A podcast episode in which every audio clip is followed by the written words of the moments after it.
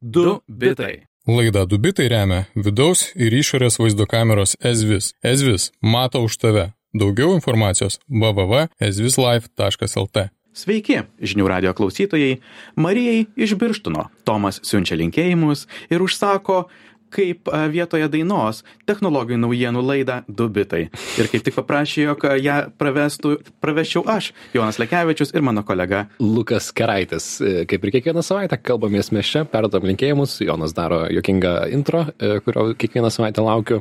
Ir nieko mes ilgai nelaukę šokime į naujienas. Ir pirmiausia, turime sugrįžti prie praėjusios savaitės reikalų, nes praėjusią savaitę sakėme, kad įmonių Tesla ir SpaceX vadovas Elonas Muskas už du ir aštuonias 2,89 milijardų įsigijo kiek daugiau nei 9 procentų socialinio tinklo Twitter akcijų bei tapo stambiausiu jo akcininku ir jungėsi prie valdybos. Tai pasirodo šią savaitę naujiena, kad prie valdybos jis neprisijungs, e, taip pat kiti akcininkai padavė į teismą, ten kiek jokingesnė istorija, bet nežinau, kiek verta į detalės jungtis, e, ei- eiti. E, Bet, na, dabar viskas vėl grįžo į gandų lygmenį, kodėl jis netėjo į valdybą, kas bus toliau ir, ir ką tai reiškia. Labai neblogai informuoja uh, naujo Twitter vadovo Agrawal įrašas, kuriame uh, galima išskaityti tarp eilučių tam tikrą logiką, jog uh, akivaizdu, jog visgi susidūrė su atsakomybėmis, kurias turėtų turėti kaip uh, tarybos narys, jog jisai uh, negalėtų e, kritikuoti taip garsiai Twitterio ir turėtų būti finansiškai atsakingas už jo rodiklius. Turbūt e, Elonas pagalvoja, šiaip tai man viso to nereikia. Aš mhm. turiu labai daug įtakos, žymiai daugiau nei 9 procentus, tiesiog todėl, jog esu žinomas, garsus. Ir e, kam man ta valdybos vieta? Aš geriau toliau e, rašysiu savo mintis viešai, garsiai visiems ir nieks manęs negalės suvaldyti. Taip, ta- tam tikrą prasme atšaukime naujieną. Dar yra gandų, kad jisai planuoja išsipirkti kontrolinį akcijų paketą visos Twitter įmonės ir tada, na, jau imti ir vadovauti jai ir nurodyti, bet viskas tai yra gandų lygmenyje, tad e, paliekame e, su tiek informacijos. Jūs sugrįšime, kai bus naujienų šitoje temoje. O pagrindinė šios savaitės naujiena, apie kurią mes abu labai norim pakalbėti, kaip reikia tarti, nepagalvojau. E, Dalį. Dalį. Dalį. Arba Dalį. Dalį. Nes e, pavadinimas jis yra Dalį. įkvėptas iš dviejų žodžių. Tai Dalį. Salvadoro Dali e, menininko ir robotuko iš Pixaro filmo Wally. E, tai toksai, hm, ką, kas būna, kai sujungi menininką su robotuku? Taip, taip, tai ta dirbtinio intelekto kompanija pavadinimu OpenAI, žino visi, kas domisi dirbtiniu intelektu, pristatė antrą savo vaizdus generuojančio neurotinklo DAL-E, tai, tai, tai yra DAL-E 2 e, versija. E, Dar tiems, kas nežino, kas yra neuroniniai, dirbtiniai neuroniniai tinklai, tai yra na, labai trumpai, matematinė sistema paremta žmogaus smegenų veikimo principais. A, tad kuo tai ypatinga ir kodėl mus tai nustebino? Mhm. Labai lengva parodyti ir iš karto suprastumėte, bet mes mėginsim papasakoti. Bandysim papasakot, kad jau esame audio formate. tai bendrai dalį principas yra, jog jam duodi tekstą, kažkokią apibūdinimą, užuominą ir jisai iš teksto sugeneruoja vaizdą. Ir pavyzdžiui, vienas iš jų du- duotų pavyzdžių yra apibūdinti, tarkim, sribos dubenėlis, atrodantis kaip pabaisa, bet išnertas iš Vilnos. Ir mes jau savo vaidise ga- galim daugmaž pradėti įsivaizduoti, hm, kaip atrodo tas sribos dubenėlis, e, atrodantis kaip pabaisa iš Vilnos.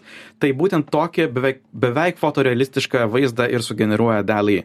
Jog ir net daug variantų, daug skirtingai atrodančių tų sribos dubenėlių su iltimis ir ragais ir labai neretai akim kaip karoliukais e, išnertais iš tos pačios Vilnos.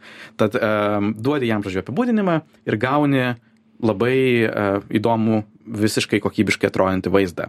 Viskas yra taip neįtikėtinai, kaip skamba. Na, mhm. Pavyzdžiui, kas čia dar, astronautas, jojantis ant arklio, tarsi pi- nupieštas paveiks e, su pieštuku. Mhm. Pasirinko tokį, tokią galimybę prezentacijoje ir gaunu tuos paveikslėlius ir gausybę variantų, kaip tai galėtų atrodyti. Mes savo nuorodose dubitai pasirasti brūkšnys.com padėsime būtinai šitą nuorodą, kur visi bus galės pasižiūrėti, kaip tai atrodo. Mhm. Bendrai dalį 2 yra didžiulis kokybinis šuolis nuo prieš beveik du metus a, išleistos pirmos versijos. Pirmiausia, yra smarkiai didesnė rezoliucija ir bendri rezultatai yra labai kokybiški, žymiai mažiau tokių artefaktų arba raibuliavimų algoritmų, kurie buvo pirmoje versijoje. Ir yra naujos funkcijos, kurios e, palaiko DALI 2. Pirma, tai yra naujų objektų toks kontekstualus pridėjimas. Tai yra gautą rezultatą tu gali modifikuoti. Ir pavyzdžiui, gauni, tarkim, užsiprašai uh, namo su baseinu šalia, bet tada gali pažymėti kažkokią teritoriją, pavyzdžiui, ant baseino arba šalia baseino ir pasakyti, pridėk man flamingą ir priklausomai nuo to kurią vietą pa pažymėsi. Pavyzdžiui jeigu pažymėsi ant vandens tai gausi tokį plaukiojantį gelbėjimosi ratą su flamingo galva. Bet jeigu pažymėsi žemę šalia baseino gausi tą flamingą kaip kiemo dekoracija įsmeigta į žemę. Tad žodžiu dirbtinis intelektas supranta visą kontekstą ko tu prašai ir kokybiškai interpretuoja Antra nauja funkcija, kurią daliai 2 gavo, tai yra naujų variacijų kūrimo. Ir čia irgi įspūdingi e, pavyzdžiai. Pavyzdžiui, jie davė meninko Klimto kūrinį Bučinys, kurį galbūt esate matę tokį iš aukso spalvų žaižariuojantį. Ir jisai sugeneravo labai daug alternatyvų šitam paveikslui ir kai kurias iš jų turbūt net būtų sunku atpažinti, ar tai nėra dar vienas Klimto originalas, nes atkurta vėlgi visas tekstūrų žaidimas, žmonių formos ir, ir visa kita. Tad labai įspūdinga kokybiški rezultatai ir galima pasigrožėti tikrai internete. Galima romantizuotai sakyti, kad dirbtinis intelektas įsivaizduoja. Taip, galima, net, manau, net žiūrint, kaip neuroniškai tai veikia labai daug uh, tų neurostruktūrų, kurios egzistuoja dalį ir visose kitų tokių transformerių modelių galvoje, neuronuose veikia, labai nemažai to iš tiesų yra įkvėpta ir žmogaus vaizduotės smegenų struktūrų. Tad tikrai E, tai yra tokios haliucinacijos, kurias mhm. vis kokybiškai ir vis kokybiškiau ir kokybiškiau save išreiškia. Taip. Svarbu paminėti, kad šią akimirką jūs negalite nei nusipirkti, nei tikėtina kitaip paliesti pačio DAL į neuroninio tinklo šio įrankio. Jis su juo gali eksperimentuoti tik kai kurie tyrėjai ir mokslininkai ir tai na, nėra šią akimirką vieša be abejo bus labai įdomu, kai kažkada tai bus vieša, kai bus tai prieinama viešai. Ar tai mhm. greitai nutiks, ne, neaišku. Jie bando apriboti riziką ir jie ir uždėjo labai daug griežtų reikalavimų, netgi ką tie mokslininkai tyrinėdami modelį gali publikuoti. Pavyzdžiui, negalima publikuoti jokių realistiškų žmonių veidų, nes jie nenori, jog niekas, kas net būtų link deepfake giluminių klastočių pusės, būtų kuriama su jų modeliu. Tad jie uždėjo labai labai griežtus reikalavimus, kurie, aišku, labai smarkiai priboja ir to naudingumą, bet turbūt galima suprasti. Jų prieš tai tokio labai išgarsėjus populiaraus modelio GPT-3, kuris buvo, galima sakyti, šito analogas tekstui, mhm. kuris sukurdavo labai kokybiškai parašytą tekstą.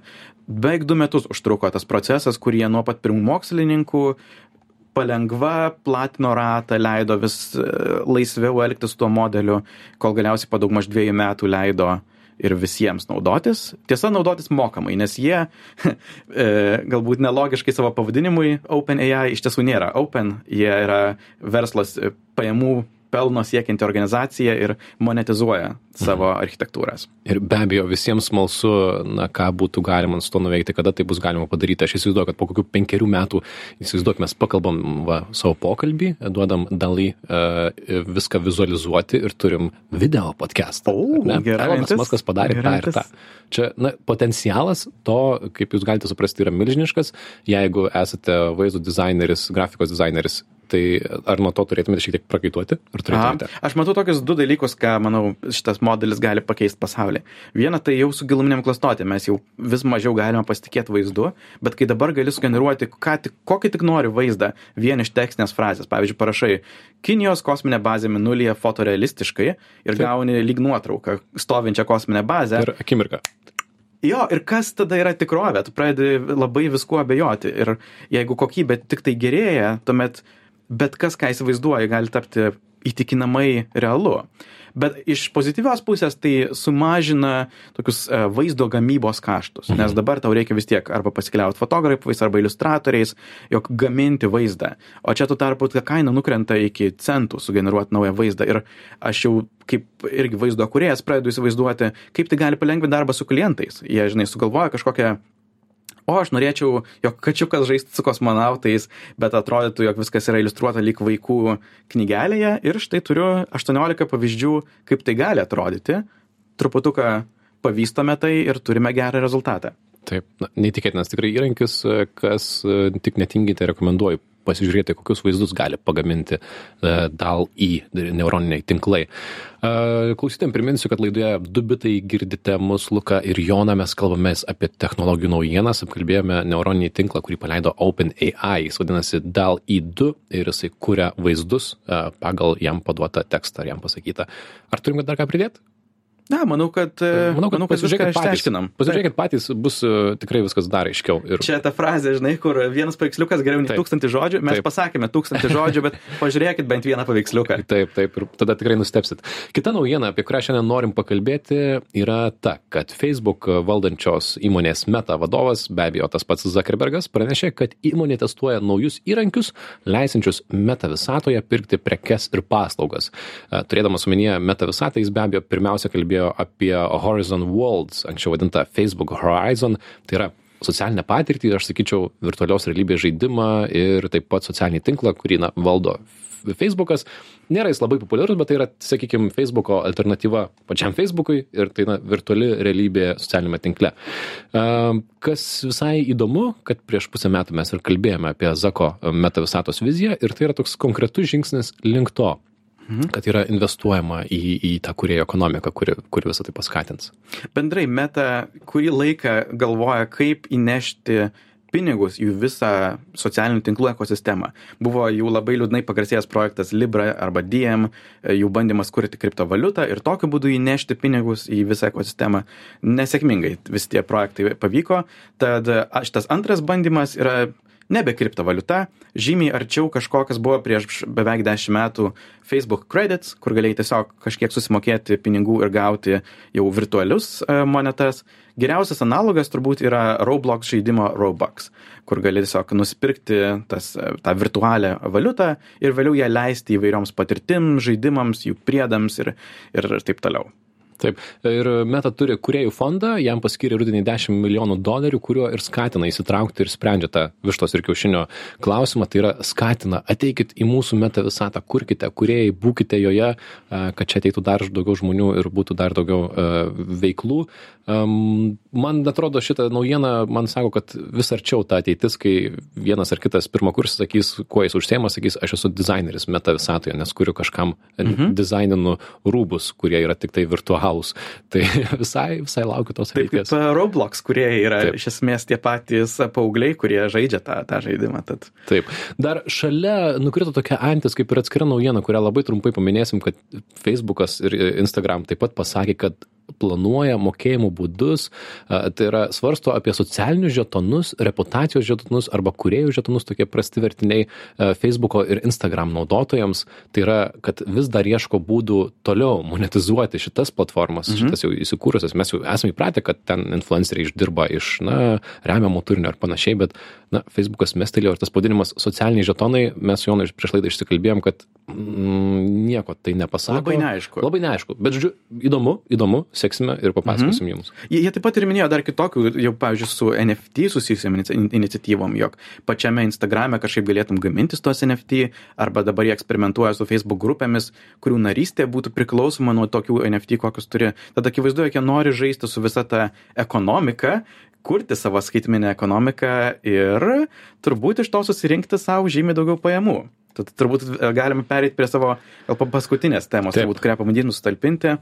Tad kodėl visa šita investicija į kuriejų ekonomiką, 10 milijardų fondai ir kažkokie Zagbaks pinigėliai, a, viskas galiausiai susiveda į tuos procentus, kuriuos tu gali pasiimti nuo visos skaitmeninės ekosistemos ir, va, ir viso, visos metavisatos, kurią, kurią tu kuri.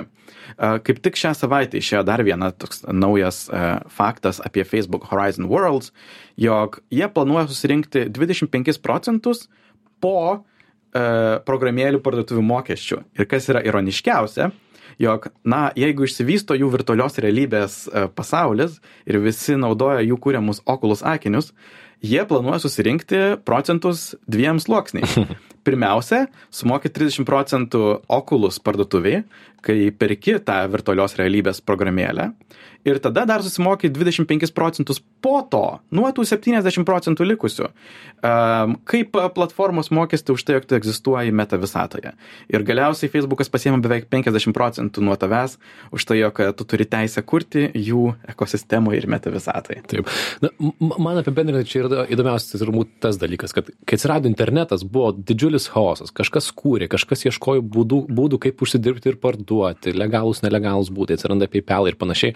O dabar, ką daro Facebookas, tai jis turi tokią erdvę, turi viziją, meta visata, įtrauk, įtraukus internetas ir jisai sako, visi, ei, uh, užsiveskite šitą idėją taip kaip mes ir kurkime kartu, bet mes darome visas taisyklės ir mes turime monopoliją ir mhm. jūs mokėsite 50 procentų nuo to ir, žodžiu, puikioje pozicijoje jie yra. Taip, verslo prasme. Jie labai nori sukurti visą sistemą, kurią pilnai kontroliuotų, kiek, kontroliuotų kiekvieną centą, kuris eina pro, pro jų visą sistemą ir kai kontroliuoji kiekvieną centą, na, gali pasimti teoriškai kiek tik nori, kiek negėda.